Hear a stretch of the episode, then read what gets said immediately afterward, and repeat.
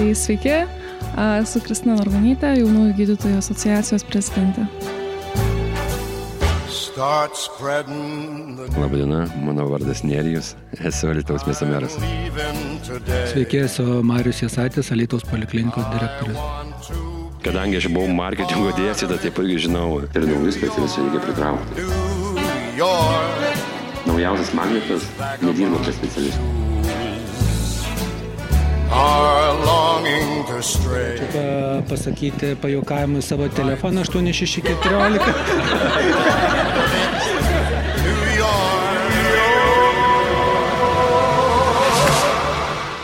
turbūt aš ir pradėsiu, ar ne? A, iš tikrųjų, kaip gimė idėja šito susitikimo, tai su gerbiamu Nerijum susitikom LRT apdovanojimuose ir buvo labai smagu, kad pats Nerijus mūsų užkalbino ir mes su kolegė persimetėm keliais žodžiais, apsisukom ir pagalvojom, pala, o tai kodėlgi nepratęsiu šito pokalbio. Tai taip, ant kulnų apsisukom, grįžom, atsiprašau, gal galima susitikti kada nors. Ir aišku, atsakymas buvo teigiamas a, tokiai iniciatyvai ir, ir pagaliau pavyko suderinti mums susitikimą. Žinau, kad šita tema jau yra tikrai jums atsibodusi ir galbūt ne, nesinori kalbėti apie tuos įvykius Alituje taip smulkmeniškai, kaip jau turbūt yra visi žurnalistai išklausinėję, bet kas mums turbūt yra aktualiausia ir apie ką mes šnekame patys su savo nariais labai daug ir, ir stengiamės sugryti, tai lyderystė. Tai man labai įdomu išgirsti iš žmogaus, kuris tik iš tikrųjų praėjo labai sunku etapą, kas jums po visų šitų patirčių yra lyderystė? Na, iš tikrųjų, geras klausimas yra lyderystė. Aš manau, kad man lyderystė bet kokiam momente, kuris yra, kad ir koks sunkus, nepasimesti, nepalūšti, nes kai kas iš tavęs tikisi daugiau. Visi mes esam sunkioje situacijoje, žiūrim, kas mums gali padėti ir panašiai. O kai tu atsisuki ir neturi, kas tau padeda, tai turi pats imtis arba pats imti, arba pats sudėkti. Tai buvo galimybė sudėkti tom padagom kartu arba, arba imtis lyderystės. Tai pasirinkau antrąjį variantą, nežinau, kiek, kiek tai pasisekė, kiek tai gavosi, bet situacija, aš manau, kad labai labai artima tas, kas vyksta šiandieną irgi su koronavirusu ir su visais kitais dalykais. Tai iš esmės, ką girdžiu dabar, tai viskas sukas, atrodo, apie didžiulį atsakomybės jausmą jūs, ar ne? Ir kaip suprantu, tai tas atsakomybės jausmas jūs lydėjo nuo pat jaunystės. Tai gal gali truputėlį papasakot apie tiesiog savo ėjimą iki va, šitų pareigų, kuriuose dabar esate, ką patyrėte ar ne prieš tai, kur, kur galbūt atstovavote, nes žinau, kad patirtis visai irgi nemaža šitoje srityje. Aš tikrųjų, tai gal pati pradžia buvo, tai prasidėjo viskas nuo jaunimo organizacijų, nes tiesiog e, reikėjo kažkaip tai įprasinti save, nereikėjo veiklų, norėjosi keisti ir tą miestą, iš pradžių miestą, nes prasidėjo tam tikros jaunimo organizacijose, po to, aš žinau, manau, kad daugeliu miestų yra tokie apskritai stalai, kurie, kuriems teko kurti, toliau yra jaunimo reikalų tarybos, kurios irgi teko kurti, kur nebuvo to pamato jokio. Jūs lyjote buvot? A, ja, aš buvau ir lyjote, ir lyjote buvau, buvom kaip nariai, bet buvom ir apsitavusi staluose, ir jaunimo reikalų tarybose, ir, ir panašiai.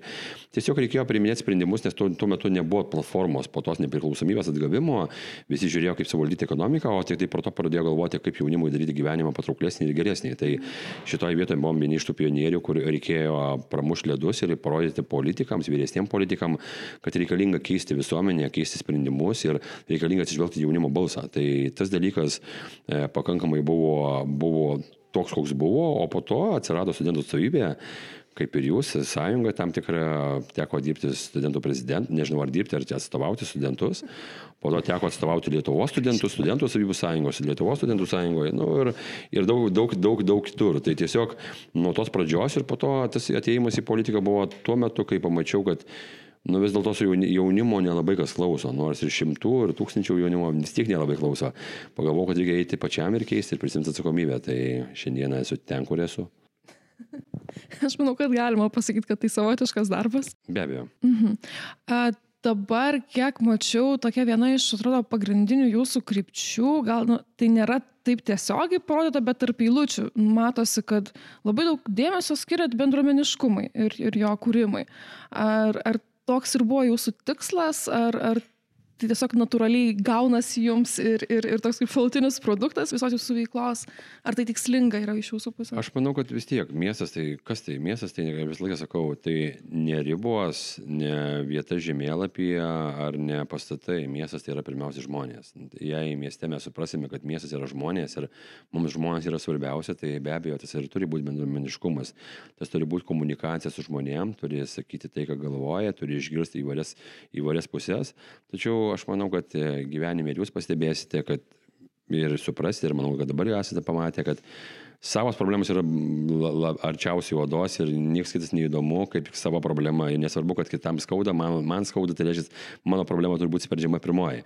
Ir šitoje vietoje mes tikrai patiriam, nes būtent, būtent politikoje tu patiri tokį dalyką. Vieni sako, suremontuok mano, mano kelią, kitas sako mano kelią. Ir, ir, ir tu renkiesi, kur daugiausiai gyvena, kur daugiausiai pravažiuoja žmonių. Bet padarius vieną kelią, nes jei turi pinigų vienam keliui, tam keliui, kur nepadarėjai, žmonės yra pikti, sako, o, tai blogas meras. Vieni sako, o, koks geras, o kiti sako, o, koks blogas. Bet dažniausiai žmonės ir mes, manau, mes visi prisimenam blogus dalykus, negerus dalykus. Tai šitoje tai, kad tu buvai geras, tai tikėtina labai greitai pamirštama, tas, tas susižavėjimas dinksta, o kas bloga, tai išlieka visam gyvenimui, nes tikėtina kiekvienas iš mūsų prisimenam mokytą, ne tas, kuris buvo geras, bet tas, kuris buvo blogas, susuko ausį, davė per nagus ar, ar panašiai. Tai šitoje vietoje tai yra normalu ir, ir, ir tu turi rinktis tarp, nes nėra, ne visada yra sprendimų, kurie kurie būna labai geri. Bet dažniausiai sprendimai turi rinktis arba arba. Ir arba skirti, kadangi šiandieną yra šalia manęs poliklinikos direktorius ir yra ligoninės direktorius ir dar yra kitų įstaigų medicinos direktoriai. Ir, ir, ir pasakai, skirsiu milijoną. Tikėtina, mano kolega Marius sako, aišku, reikia labiausiai skirti poliklinikai. Kitas direktorius sako, ne, ne, ligoninį. Kitas direktorius sako, ne, ne. Ir kažkuriam neduodant vienas tai tampi blogas prieš kitus. Tai šitoj, bet vis dėlto kai priimi sprendimus, tu turi tikėti, ko tu priimi. Jei tu priimi sprendimą, ar tu žinai, dėl ko tu jį priimi ir turi argumentą savo tinkamą. Galbūt, aišku, visą laiką paklausau argumentus ir aš nesakau, kad pažiūrėdamas į veidrodį esu protingiausias žmogus. Yra protingų aplink žmonių ir juos reikia išklausyti. Bet jei ir tie tavęs nesugeba įtikinti vienai per kitaip ir tu nesi užsispyręs, nes tu priimi kritiką, tu, tu mastai kitaip, tai šitoje vietoje randi sprendimą. Bet sprendimai visą laiką būna vieniems geri, kitiems blogi. Ir tai normalu, tai yra gyvenimas. Jūs netgi palėtėte tai, ką aš norėjau klaus po to, nes mes kažkaip irgi pastebim, kad va, tie žmonės, kurie atsiduria valdžioje, toks atsiranda fenomenas, kad jie tampa izoliuoti nuo bet kokio grįžtamojo ryšio. Atrodo, bijo žmonės tada komandoje pasakyti kažkokį neigiamą grįžtamąjį ryšį ar ne. Ir, ir žmogus tada, kuris yra toje valdžioje, tampa toks izoliuotas. Ir, ir jiems sunkiau turbūt yra priimti tinkamus sprendimus. Tai vis tiek norėtųsi dar truputėlį tą temą daugiau pagvildenti, kaip jums atsekasi tos izolacijos ir, ir, ir, ir kažkokios, nežinau, baimės iš kitų pusės išvengti, kaip tą komandą aplink save, va, artimiausia susistatyti. Matote, kadangi aš turiu galimybę pasirinkti ir patarėjus, bet aš įimu patarėjus, kurie man patartų, o ne pritarėjus, kurie man pritartų. Tai šitoje vietoje atskiri tuos dalykus, nes pataikauti yra lengviausia. Taip, merė, šaunuolis merė, gerai pasakėt merė, nors iš tikrųjų juokas yra ir nieks nieko tu net nepasakai protingo ar panašiai, tik tai visi tau patapšnoja per petį.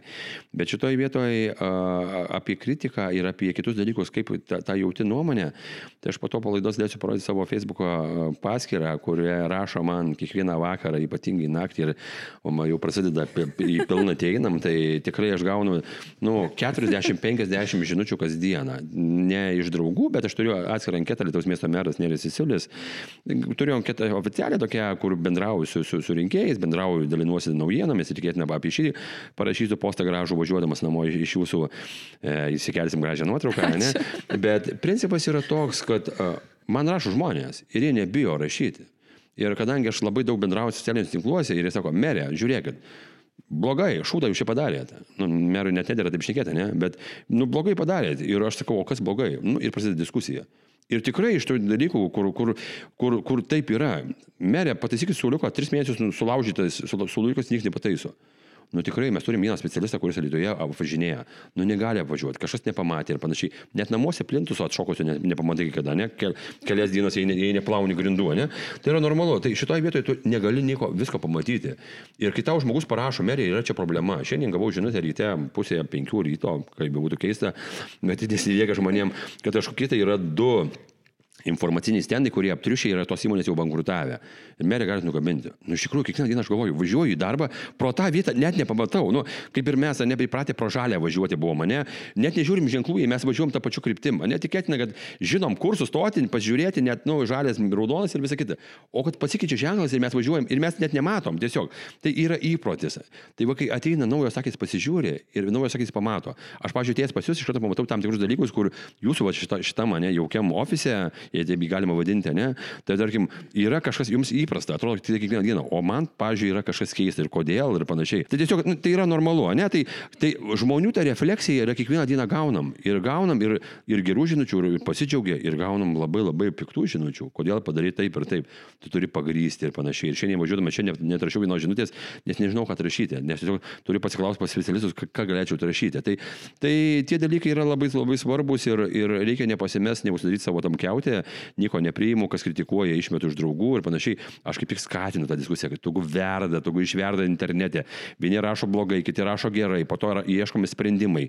Ir gaunasi iš tų sprendimų, gaunasi kažkoks variantas. Nes, nes taip ir turi būti, nes jei tu užsiblokuosi nuo tų, kas kritikuoja tave, tu niekada neauksi. Tai jei tu kritikuoji, jei dar kritiko yra logikos, nes dažniausiai būna durnius, ne? Nu, durnius, nu ir ką, bet kodėl durnius, ne? Nu, tai va tada pradedi aiškintis. Tai šitoje vietoje yra, yra, yra diskusija ir jei toj diskusijoje tu dalyvauji, jei tu dalyvauji diskusijoje randi tą sveiką grūdą, tu jį pasiimi ir kitą kartą priimi grėsį sprendimą. Iš esmės, turbūt tas socialinių tinklų toks iš, išaugimas į višką fenomeną, tokį socialinį, tai turbūt pakeitė apskritai visą politikos veidą. Jeigu tavęs nėra socialiniuose tinkluose, tavęs turbūt nėra apskritai. Nu, žinot, aš kai kada bijau rašyti, bijau rašyti postų savo ir kai kada būna vakare, galbūt pasinervavęs ir panašiai, pradedu rašyti ir aš pagalvoju, nu, jei, jei tavo vieną postą peržiūri daugiau nei milijoną žmonių, milijonas, tai daugiau nei pusė Lietuvos, praktiškai milijonas du šimtai, milijonas trys šimtai žmonių, kai kada ten pusė milijono, bet pagalvokit, kiek tai žmonių stebi, skaito ir panašiai. Tikėtina, gal jūs kažkada buvote užėję, pasižiūrėję, ne, pakritikavę komentavę, palaikinę ar nepalaikinę. Tai šitoje vietoje tu kalbėjau, kai aš kai kalbu apie miestą, aš jau bijau kalbėti tik tai apie miestą, nes galbūt miestas kada net neįdomus tampa, tu turi globales problemas kelti klausimą. Ir šiandieną atėję pas medikus, nu, kelsim, gal šiandieną kiti bus klausimai apie mediciną, nes kas man yra svarbu, aš manau, mano kolegai Mariu, kuris dabar dar kol kas tyli, bet pasakys, ką mes darom, ką mes siūlom ir panašiai, tai yra labai svarbu.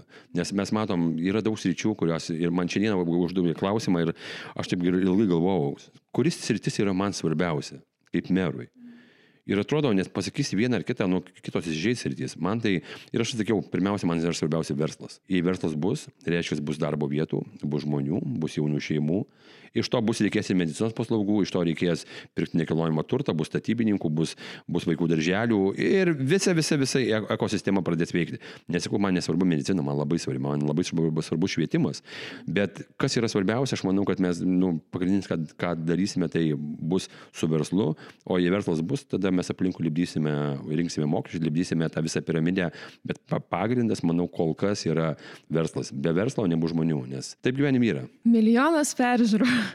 Aš privalau paklausti, kaip jūs tvarkotės uh, asmeniniam lygmenį su tokia atsakomybė dar papildoma atsiradusi, tiek akių dabar ar ne yra nukreipta jūs ir, ir žmonės, manau, kad bent jau aš ką jaučiu, tai atrodo tiki ir pasitikė jumim. Kiek va, tas toks atrodo įpareigojimas ar ne, projektuojamas gali jūs pati, kaip jūs su tuo tvarkotės? Pareigos nekeičia žmonių. Tik tai tu, tu susikuri savo tą iliuziją, kad tu esi kažkas. Tu esi niekas. Po trijų metų gali būti visiškai niekas, kaip, ar po keturių metų, kai kadencija trunka, ne, tu gali būti niekas. Tai šitoje vietoje, jei tu įsivaizduosi kažkas, o po to būsi niekas, nu, tu gyvenime nu, labai labai nusivylysi, ne? Ir reikės, kadangi jūs sakėt, psichoterapeutė esate, tai reikės jūsų pagalbos. Bet jei tu supranti, kad tu esi tas pats žmogus, kuris valgo tą patį batoną geria su, su maišu su plasmasiniu šaukšteliu arbatą ir, ir tau nuo to nei šilta, nei šalta, ir tu esi paprastas žmogus, tai aš manau, kad nesitvarkai su jokia atsakomybė. Tiesiog tu ateini priimti sprendimų ir reikia bijo, nebijoti priimti drąsių sprendimų. Ir viskas. Aš šiandieną kadangi buvau kad irgi studentų atstovas ir panašiai, mes jaučiamės, aš jaučiuosi lygus kaip lygių. Ir, ir šiandien atvykau, mes bendravome, nėra skirtumo tarp žmonių. Tu svarbiausia, kas tu esi viduje kaip ir žmogus. O pareigos tai yra tik tai šalutinis objektas ir dažniausiai vyresniems žmonėms atrodo, o, meras. Bet čia nėra mero, čia yra žmogus ir, ir, ir, ir po trijų metų gal vėl bus tas pats žmogus, kuris ne, galbūt bus darbo biržos atstovas. Man atrodo, kad čia ką tik išgirdom to milijono peržiūrų priežastį. Gerai, tai kreipiuosi tada jūs, Mariu. Apskritai, gal tada iš paukščio skrydžio žiūrint, kokia dabar situacija yra pirminės grandies, ar ne, nes jūs turbūt geriausiai dabar ją iš, e, galite pertikti Alituje. Šiuo metu šitą klausimą gal pradėčiau nuo pačio miesto, sakysim, įvaizdžio kiek e, yra tekę su jaunaisiais gydytojais bendrauti, tai vis dėlto jie neįsivaizduoja, koks tai elitus yra kaip miestas. Tai nėra tik viena bažnyčia ir mokykla. Tai mokyklų pakankamai šiandien turim, bažnyčių pakankamai turim, teatrą turim, baseinus, atskirus kultūros centrus, darželiuose tikrai eilių nėra, jei kas galvojat, kaip Vilniuje ir Kaune problema yra. Tai iš tikrųjų mums šito vieto tik tai trūksta gydytojų, kurie atvažiuotų pas mus, dirbtų Alitoje, būtų labai gerai, gal ir kurtų šeimas, Nes iš tikrųjų pirminė ta grandis, tas jūsų žodis būk pokytis, nu iš tikrųjų jau yra, kai kurių gydytojų amžius pasako, kad jau reikėtų daryti tą pokytį, bet vėl situacija yra tokia, kokia yra, šiai dienai netenkinam to bendro, sakysim, statistinio vidurkio, kaip turi būti 7,1 šeimos gydytojo, pas mus yra 4, kažkiek tai. Tai mes džiaugiamės, kad tas vyresnio amžiaus gydytojas dirba, nes jisai dirba, nes kai jisai nedirbs, tai tada pirmiausia tai vadovai tikrai galvas skaudės, tada aišku, eisiu pas merą, meras sakys, to vadovas, tu kažką paspręsk, tavo bėdos ir amžinai tokias kaip uh, ratas gaunasi. Tai iš tikrųjų kviečiam jaunus medikus pagalvoti apie lytų, kaip ir pajukaunu, praktiškai mes esam Kauno priemestis, nes tikrai turim nemažai šeimos gydytojų dirbančių ir važinėjančių iš Kauno, kaip tik pirma, šį pirmadienį pradėjo būtent irgi gydytojai iš Kauno važinėja, odontologai praktiškai visi atvažiuoja iš Kauno. Tai labai kviečiam ir norisi, kad atvažiavus iš kito miesto, sakysim, ir tos žinios, ir tas supratimas yra visai kitoks, kaip įsivaizduoju. Fiziškai nesu labai senas, e, tikrai su gydytojais šnekam, mastom, ko, sakysim, pasigendu, tai idėjų, sakysim, kažkokio pristatymo Šitoj vietoje, sakysim, aktyviai remiam šeimos gydytojus. Gal čia būtų toks kaip ir, sakysim, kvietimas, ką mes šiai, šiandieną tikrai siūlom. Tai gal pradė, pradedant ne nuo atlyginimo, bet, sakysim, nuo pačios atmosferos. Kviečiu pirmiausia klausti ne atlyginimo, bet atvažiuoti, pasižiūrėti, su kuo man reikės dirbti šeimos komandos narys, tai yra kalbu apie slaugytoją, vėlgi patalpos, pati darbo atmosfera, kaip tai va, pradėjus ir įvertinus ir pamačius pačiam savo, kas yra, tai tada galima kalbėtis ir apie darbinius santykius. Iš tikrųjų, esam šitoje vietoje lankstus, be atlyginimo siūlom tokius, kaip aš sakau, papildomus priedus. Tai yra kelionės atvykimo išlaidos, žieminis, vasarinis apmokėjimas, yra kvalifikacijos kelimas, apmokam ne tik už, pačią, už patį kvalifikacijos kelimą, apmokam ir vykimo išlaidas, mamadieniai yra skiriami. Aš gal padėsiu, Mariu, kadangi žinau, kas dar skiriamas. Tris metus kiekvienam dirbančiam gydytojui mokam 5000 eurų premiją, nežinau, ar galima taip vadinti stipendiją ar premiją, tai prie atlyginimo to, kuris uždirba. Taip pat e, gydytojai atvykusiam dirbti, e, kurio, kurio mums reikia, skiriame, jei vienas žmogus atvyksta vieno kambario būtą, jei du žmonės atvyksta nu, šeima dviejų kambarių būtą. Taip pat e, studijų, studijų galimybę rezidentūrą studijuoti ir mes tai apmokam. Ir, ir kas, kas įdomiausia, pavyzdžiui, regione, aš manau, kad daug kas iš esate iš regionų, žinote, kad kūrintis regione yra 30 procentų nuo savo būsto pirkimui sumoka valstybė, tai mes dar papildomai dar prisidedam 5 procentus, kad, nu, liktai skatinam. Be abejo, svarstam, svarstam sistemą, ko dar nik nesvarsto nei mes Lietuvos miestas, kad besikūrintiems šeimoms, paėmus paskolą, kažkiek metų apmokėsime paskolos nu, paskolos palūkanas. Tai tiesiog darome viską ir iš tikrųjų daug kas, daug kas apie Alytų nelabai ką ir žino. Miestas, miestas, Dzukija, Dzukai, Alita galbūt žino, galbūt Snaigė žino, galbūt dar kažką žino, ne, padangas dabar neblogai žino ir, ir panašiai, bet, bet apie tą miestą, tai iš tikrųjų miestas yra parkiai įsikūręs miestas, ir, kuris yra 3-4 minutės iki darbo, yra, nėra ko mes neturim ir ką, o ir ką mes viską turim, tai mes neturim tik tai operos ir baleto teatro. Bet mums gal ir nelabai reikia. Bet, tarkim, kino teatras, teatras, muziejus, nežinau, naktiniai klubai ir visi kiti dalykai, viską mes tą patį turime mieste ir, ir tik tai turime žalesnį miestą, ne, turim nemokamą parkavimą, mažesnės nekilnojimo turto kainas ir daug kitų dalykų. Žodžiu, kitur yra su darželiais yra problemų, baisulinės eilės. Ne, pas mus jų nėra. Kol kas šiek tiek jau dabar, kadangi matome migrantų grįžimą pakankamai didelį į Alytų, tai atlaisvinam vėl vietas ir vėl, kad kiekvienas vaikas atvykęs į Alytų gaus darželį vietą ir panašiai, kas yra svarbu ypatingai vienom šeimom, nes mes esame šeimos miestas. Tai šitoje vietoje, šitoje vietoje bureliai, sporto klubai ir visi kiti dalykai, kas, kas yra čia.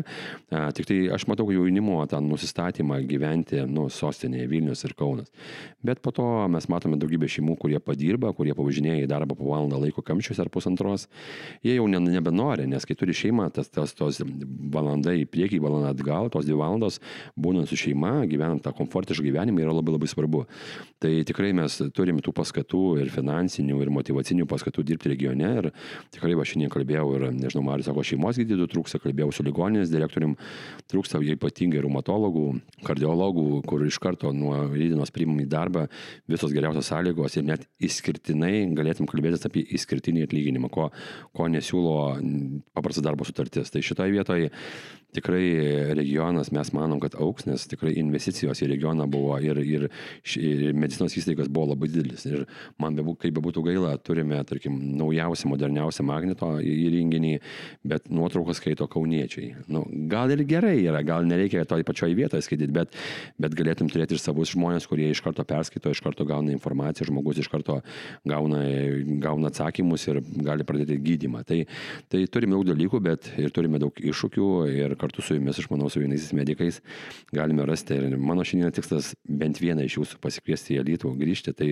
būtų tikslas su pliusu pasiektas. Tai aš žinau, kad Alytiškiai galbūt ir planuoja grįžti, bet, bet mano tikslas ne tik ją pasikviesti, dar ką nors pasikviesti. A, gerai, aš dar norėjau paklausti jūsų, Mariu, kaip matau, na ir pats esat jaunas, entuziastingas žmogus ir kokia, nežinau, jūsų yra galbūt vizija, va, jūsų įstaigos, nes dabar ypatingas dėmesys yra vis akcentuojamas ir, ir skiriamas būtent pirminiai grandžiai. Tai vad jūsų kaip vadovo, kokia yra vizija jūsų įstaigos toliau, kur jinai judės?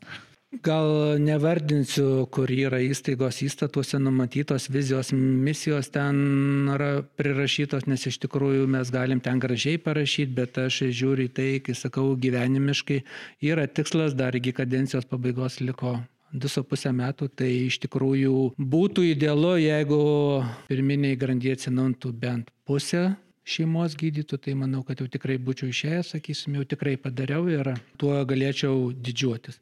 Bet tikslas yra pritraukti būtent į elitų irgi kuo daugiau jaunimo, kad galėtų ir kurtis, ir dirbti, nes ir tie patys žmonės, nu jau pasigesta, kaip sako, naujų veidų. Ateina, kad ir tas senolis, oi mano gydytojytė, kada čia jinai dirba, pasakai, kad mamadienis, tai nieko aš jau ateisiu ten kitą dieną, kaip paskui ir žmogus jau pamato, kad gydytojas su nuotaika jaunas, nežinau, gal tas, kai sakysim, vyresniam žmogui užkrečia, ten gal pašnekina, kitą kartą reikia gal atėjus pakalbėti, nereikia nei tų vaistų, bet, nu, žinot, vyresniems žmonėms. Jo. Nes a, iš tikrųjų, kaip ir meras minėjo, Lytos kolegija parengė pirmąją laidą slaugytojų, buvau pats vertinimo komisijoje, iš tikrųjų matau, ką būtent ir slaugytos akcentuoja, kur kokie pokyčiai galimi, kaip ir sakau, jūs savo tos darbus parodykite įstaigų vadovam, tikrai paskaito, nes yra įdomių darbų, tikrai galima a, priimti įdomių ir gerų sprendimų.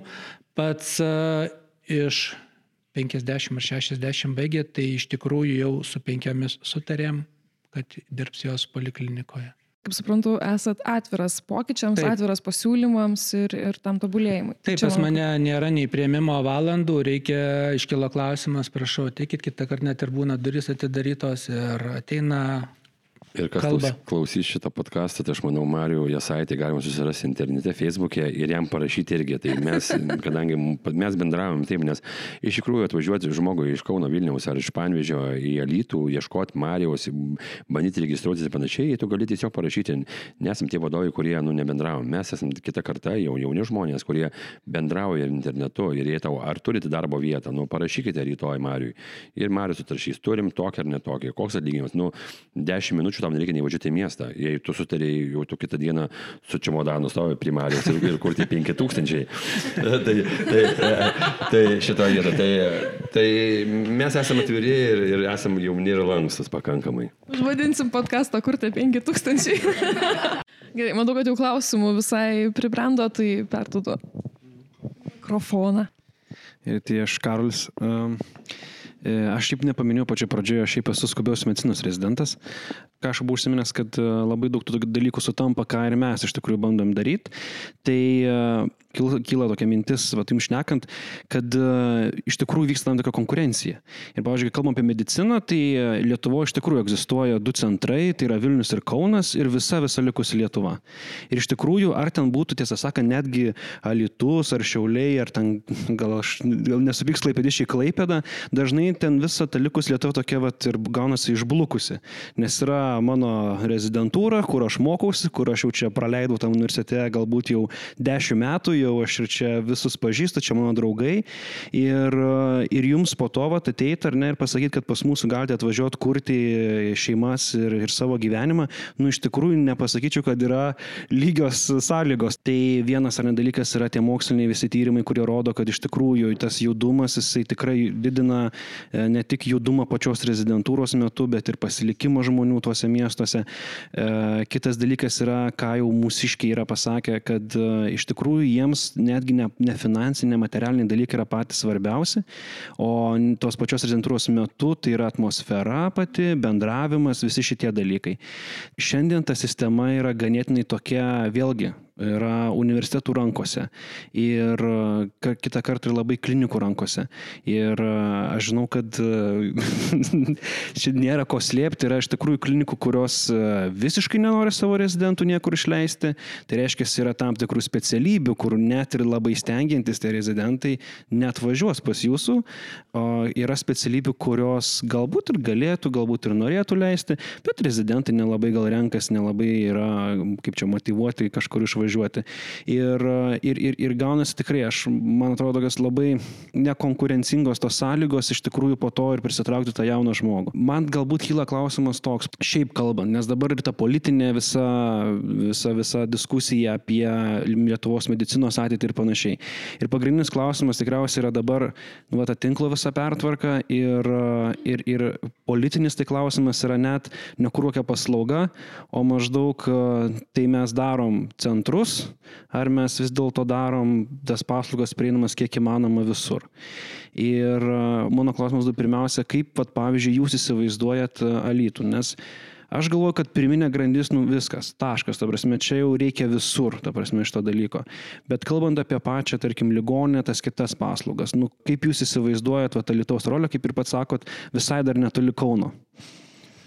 Tai ačiū už gerą klausimą. Tai vienas dalykas, kai mes įsivaizduojame ir ką mes kalbame, ir kai mes bendraujame, ir, ir su ligonių kasam bendraujame, tai vis tiek mes esame regioninis centras ir pakankamai didelis regioninis centras, vienijame, mūsų regionas vienyje penkias savivaldybės, Varėnos, Lasdėjų, Druskininkų, Lietuvos rajono ir, ir, ir, ir, ir, ir dar čia kažkuriam savivaldybė, net užmiršau, yra lytų, jo, tai penkios.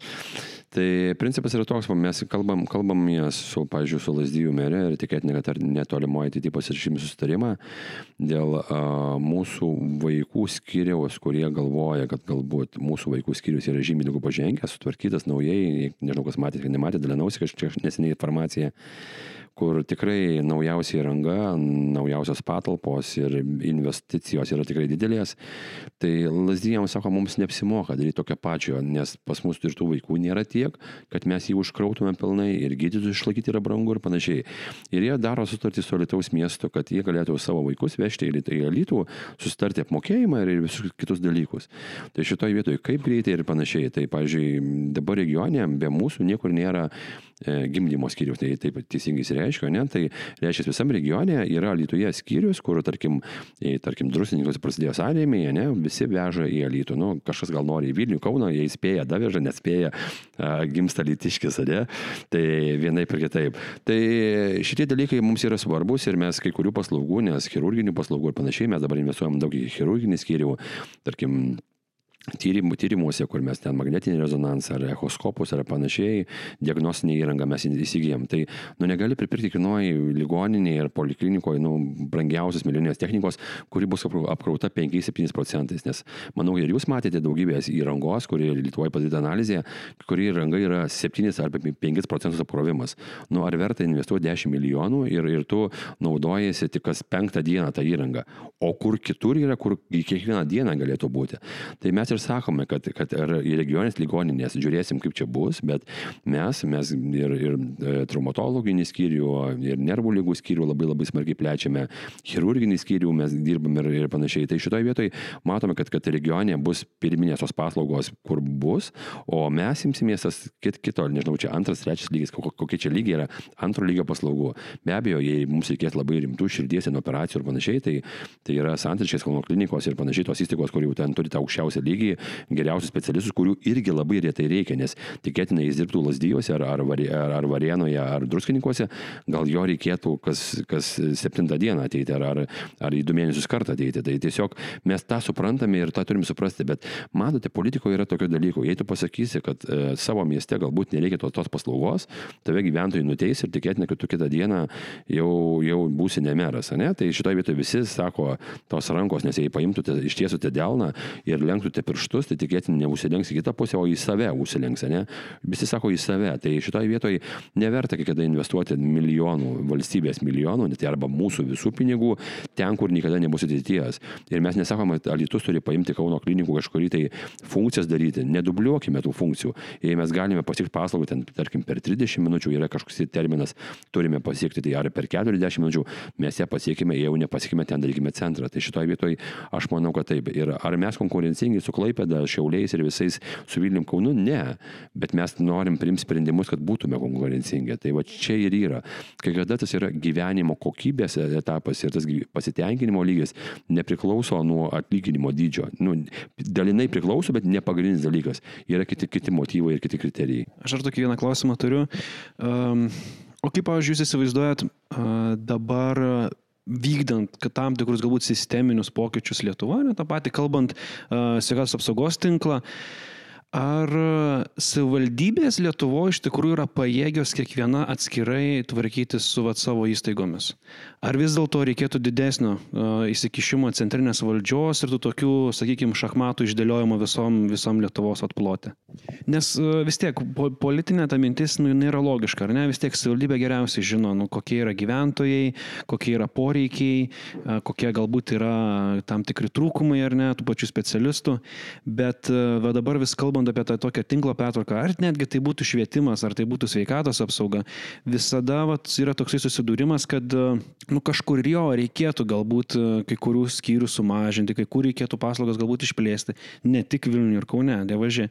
Ir vis ar nesusidurima su tavo tokia irgi politinės valios trūkumu, kai galbūt pačios savivaldybės šiandien turėdamas, nu, sakykime, mane pačios steigėjos būdamas tų įstaigų, savo, kad ne, ta prasme, mes nenorime, kad jūs kažką dabar keistumėt, nes, nu, ir rinkėjai galbūt, ir pokyčiai kažkokie neaiškus ateities pačiam rajone. Pavyzdžiui, kaip jūs galvojat, ar mes kažkaip galėtumėm išjudėti iš to taško?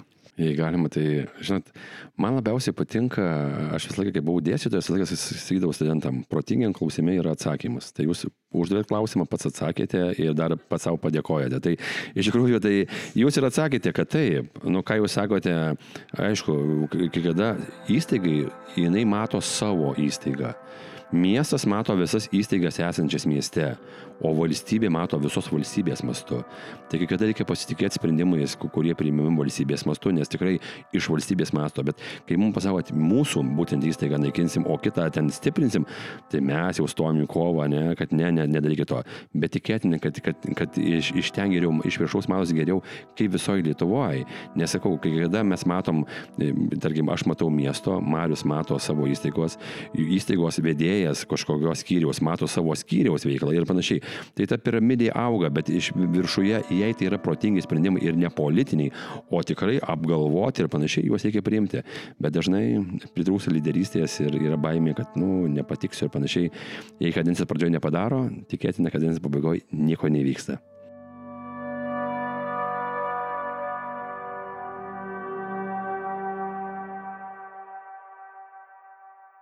Tarkim, gal kiekvienas galit pasakyti, nu, tiesiog kaip vadovai jau ir miesto ir įstaigos, kokia yra jūsų, tarkim, sėkminga nesėkmė, kur jūs to sprendimo, tarkim, iš pradžių galvot, ai čia, nu tikrai nieko nebus, o paskui, tarkim, tik wow ir viskas išeina į kitą pusę. Ar galit pasidalinti kažkokią tai nesėkmę? Tai aš galiu tada, tada pagarsinti, kad mes, tarkim, šitoje vietoje visiškai neseniai, aš pasiūliau, kad Alitus taptų universitetiniu miestu juokėsi, už pilų susėmė, aš atėjau į rinkimus su šitu šūkiu. Už pilų susėmė net nesusirėtę, žinokit. Ir net kokie po tris minutės neatsigaudami žiūrėjo į mane, rodė pirštu, prie smilkinio ten kažką suko, nežinau, ar krapštė, ar, ar suko pirštą. Bet iš tikrųjų, kai pamatėm tą, kad mes tikrai nusinėm universitetam, visiems universitetam kvietimą, ateikit į Alytų, darykit studijas čia, darykit grupės, nutolusias studijas, nu ką nors, darykit su miestu. Ir iš tikrųjų, tie universitetai, kurie gavo tą žinutę, irgi pa, pa, pažiūrėjo, nu, dzukai, nu, paspirtukai, ne, nu, ne, nu, kaip čia, kaip čia dabar tokie, ne, ko jie čia mus kviečia. Bet pasirodo, dabar jau ketvirtas sutartis gimsta. Tai pasirodo, kad iš tikrųjų galima. Ir, pavyzdžiui, dabar kitas rytis irgi, kur uh, švietime, nežinau, ar pavyks, nepavyks, e, trūksta ne tik medikų, ne, mieste, tarkim, trūksta profesionalių švietimo įstaigų vadovų. Ir niekas nenori, visoje Lietuvoje, čia, čia ne, ne Alitus, Vilnius, Kaunas irgi lygiai taip pat, niekas nenori švietimo įskait vadovauti, nes jei tu neteini į įstaigą vadovauti, tu jaunas žmogus, tu penkiems, penkiems metams gauni kadenciją, yra tokia, ir tu negauni paskolos jokios. Ir bankas tau neduoda, nesako, tu po penkių metų gal nedirbsi.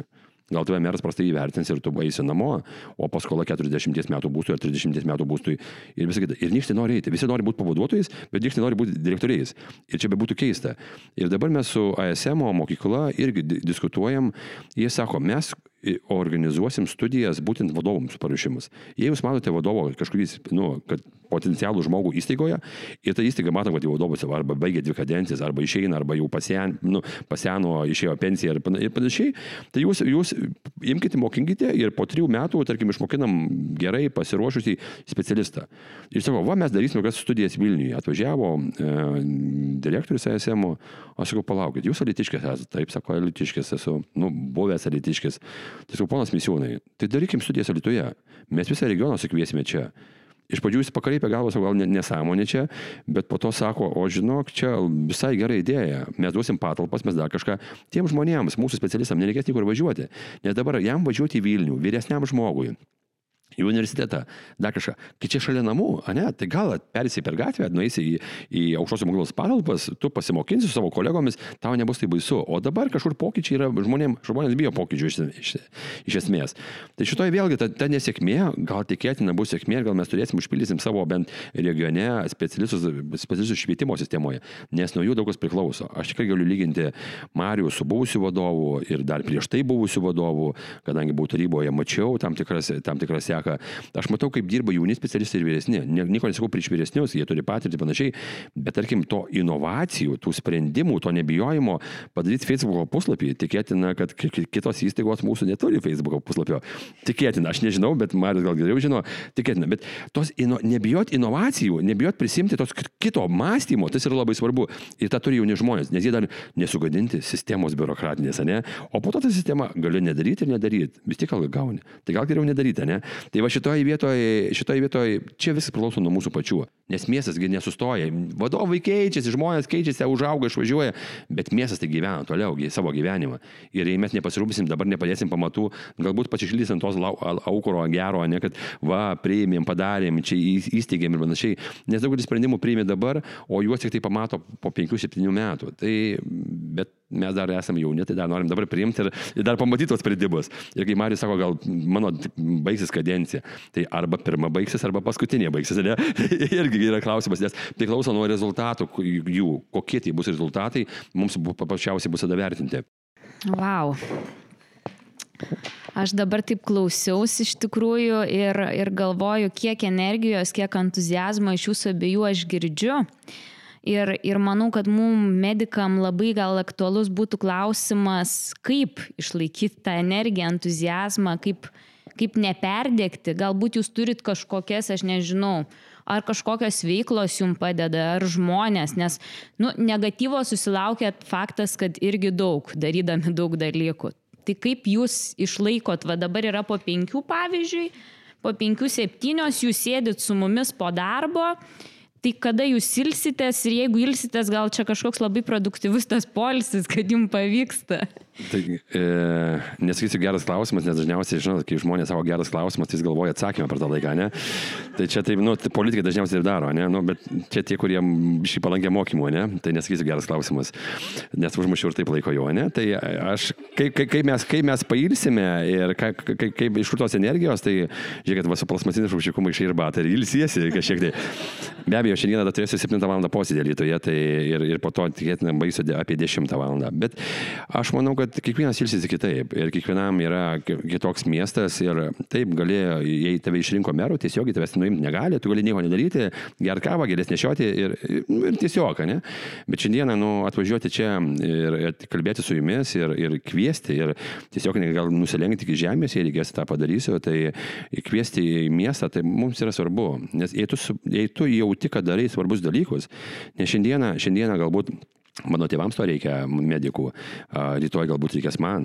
Ir, ir mano sprendimai bus, kurie, ne, šiandieną padaryti, galbūt man pačiam bus pravers ir kažkada sustiksim koridoriuje, sakysite, va, gydau jūs, jūs dėl jūsų ir atvažiavau į Lietuvą. Tai va tie dalykai yra labai labai svarbus. Ir šitoje vietoje čia nėra kada ilsėtis. Čia yra, čia yra auka miestui. A, a, tiesiog tu tinį tą ir darai. O ilsiuosi, tai aš labai prastai sportuoju, sporto klube medžioju, žvėjoju, važiuoju su motociklu, labai ilgas kelionės, ten po 10 dienų, nu, 10 tūkstančių, 80 km, vis tiek turi išvietinti galvą, nes žmogus yra ne robotas ir tikrai ta galva užė, bizgė ir, ir tikrai, kai iš tipo posėdžių, nu, ir visi yra protingi ir negali niekam nei pasakyti, eik vilniopą, ne, negali pasakyti, nes susimeras, ne, nu, negali pasakyti, kad tu esi kažkoks tai, nes nu, žmogus įsižeis, po to už, iš principo balsuos prieš tave ar prieš tavo sprendimus Tai tiesiog turi laviruoti, o, o aš manau, kad knyga, man bent gyvenime, aš visą laiką niekada neužmėgau be knygos, nes man bent 20 minučių, tai tada aš užsimirštu, ką aš darau, nes aš 10 minučių skaitau ir neprisimenu, ką skaitau, nes galvoju apie reikalus, po to pradedu skaityti knygą, po to pradeda mėgas imti, ne? Tai va, va, va, taip ir gyvenam. O savaitėlis, sodyba, žvejyba, nežinau, kažką tai kažką darai. Nes reikia fizinio darbo, kad nuo protinio darbo polisėti. Aš manau, daugelis iš mūsų, ne visiems. Tai aš tiek nežinau, ką Marius daro, jis, ką jis rūko. Aš paprašiau, pasakysiu, mano rytas prasideda stiklinė vandens, vitaminų C, žuvų taukais, aišku, firmų neminėsiu, bet čia tik tai dėl, dėl pačio, sakysim, stiprinimo, o tos tokios energijos užkrauna, kad e, darbe net ir tose, sakysim, stresinėse situacijose, nors, kaip sako psichologai, negalima mąstyti racionaliai, stengiuosi išlikti ramiai, tam, sakysim, tam ramumui išlikti skiriu pakankamai laiko, tai yra įvairūs seminarai iš mokinuosi pats, knygas skaitau, kaip galėčiau save, sakysim, realizuoti, nes būna tikrai tokių rytų ir tokių dienų, kad parvažiavus nesinori su šeima kalbėti. Bet irgi, kaip meras minėjo, mano veikla daugiau yra su kinologija, aš turiu augintinių, plus pasižiūriu, čia yra klinikose mačiau kaniterapijos draugė, tai va dar tikslas kažkaip išmokti tenai ir pabandyti elitų juos atvežti, parodyti, bet vėl sakys kreizį direktorius, kad čia šunys vaikšto po polikliniką. Ir į savivaldybę dar reikėtų atvežti. Ir į savivaldybę galėtų iš tikrųjų. Tai tas toks ir mane motivuoja, paskatina, plus kolektyvas yra tikrai geras, nors ir vyresnis, tai ir gaunu ir patarimų, ir kitą kartą komandinių sprendimų, sakysim, prieimimas irgi tai labai padeda įspręsti, ne, net, kaip, ne, nepalieka vienam spręsti tų problemų. Nes kada dirbau savivaldybėje, tai iš tikrųjų būdavo, sakysim, tokia juokinga situacija. Atini pas administracijos direktorių, nu, direktorių kaip sprendžiam, o direktorius suka galva. Pats pradėjau, sakysim, vadovo būti. Dabar, kad matau, kad pats kitoj barikadų pusėje ir daugiau iniciatyvos turiu imtis pats. Na, ir a, vėlgi, tada gilinausi, kaip su, su žmonėm bendrauti, sakysim, ko jiems reikia mokėti, išklausyti, ne vien tik tai, kad kumšys daužytis ar ten kažką, tai aš, a, sakysim, nemėgstu niekad pakeltų tonų kalbėti ir ten daužytis. Pas... Nu, toks požiūris, kad sprendimai primami ir su šypsena ir įsprendžiami jie taip. Aš supratau, kad jūs esate ne medikas, ar ne? Ne, ne aš papasakosiu irgi Tai atvejį. vat, aš tada dar ir klausimą į tą patį, gal kodėl, tarkim, ne medikas, medicinos įstaigos vadovas? Kas jūs tenai, nu, nuvedė? Ar veža tai, nusme, dėl ko?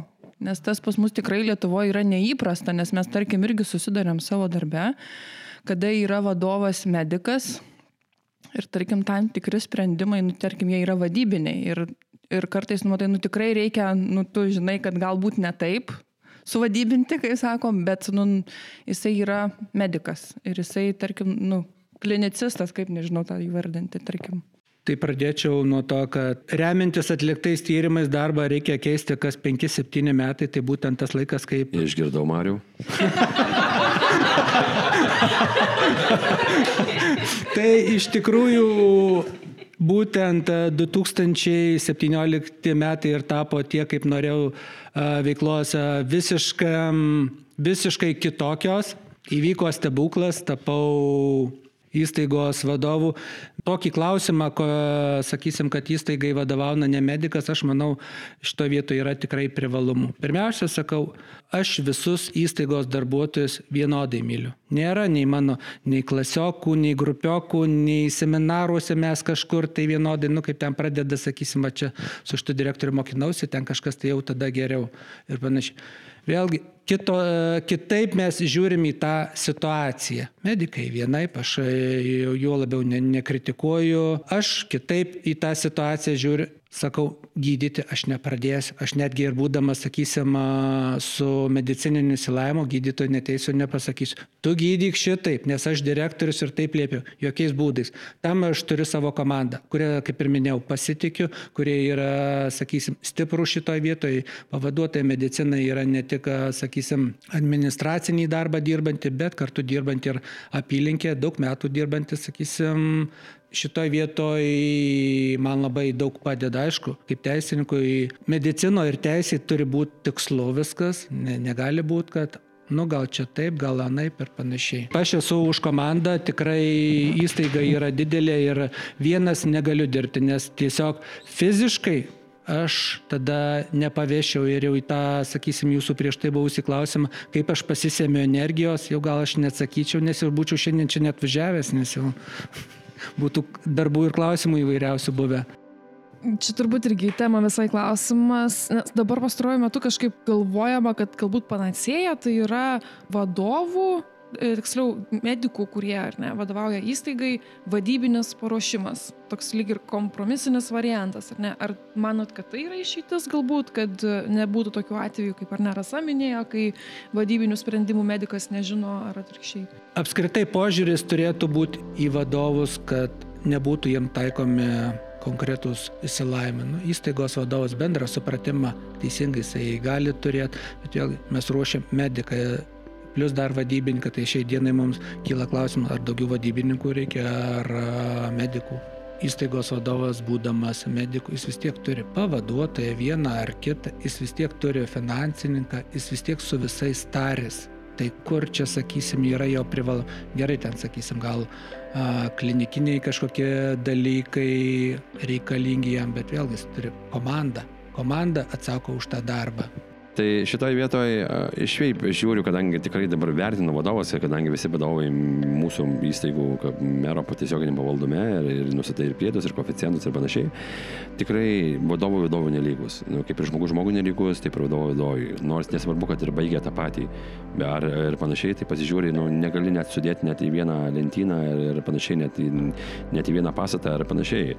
Tai šitoje vietoje čia priklauso nuo žmonių ir nuo noro keistis, noro daryti, noro įtikoti sprendimus. Aš manau, kad ir jūs irgi matote ir savo universitetuose įvairius dėstytojus, kuris iš savęs tikrai varo gerai ir tikrai įdomu klausyti paskaitoje, būti ir matai, kad jis tikrai tuo gyvena ir tuo tiki ir jis tikrai ruošiasi, o kuris ateina atidirbti, ne? Tai va šitoje vietoje mes irgi norim ir ta, ta kita karta, ir ta jaunesnioji karta, aš kaip sakau, ir pas mano komandoje beveik visi jauni žmonės, kurie, kurie atėjo nusaliginai jauni, nu, iki 40 metų, praktiškai beveik visi. Tai šitoje vietoje ta jauna karta, kur, kuri turi, at, jau turi patirties pakankamai, bet ir dar nepraradus to tokio pankiškumo, kur turi keisti vienas dalykas. Tai šitoje vietoje, nes mes turim priimti netirtinius sprendimus, nes jei priimsim tokius pačius sprendimus, mes būsim ten, kur ir buvom iki šiol. O kur buvom iki šiol, mūsų ta situacija netenkina. Dėl to miestas išrinko kitokį merą, kuris turi būti pusiau bankas.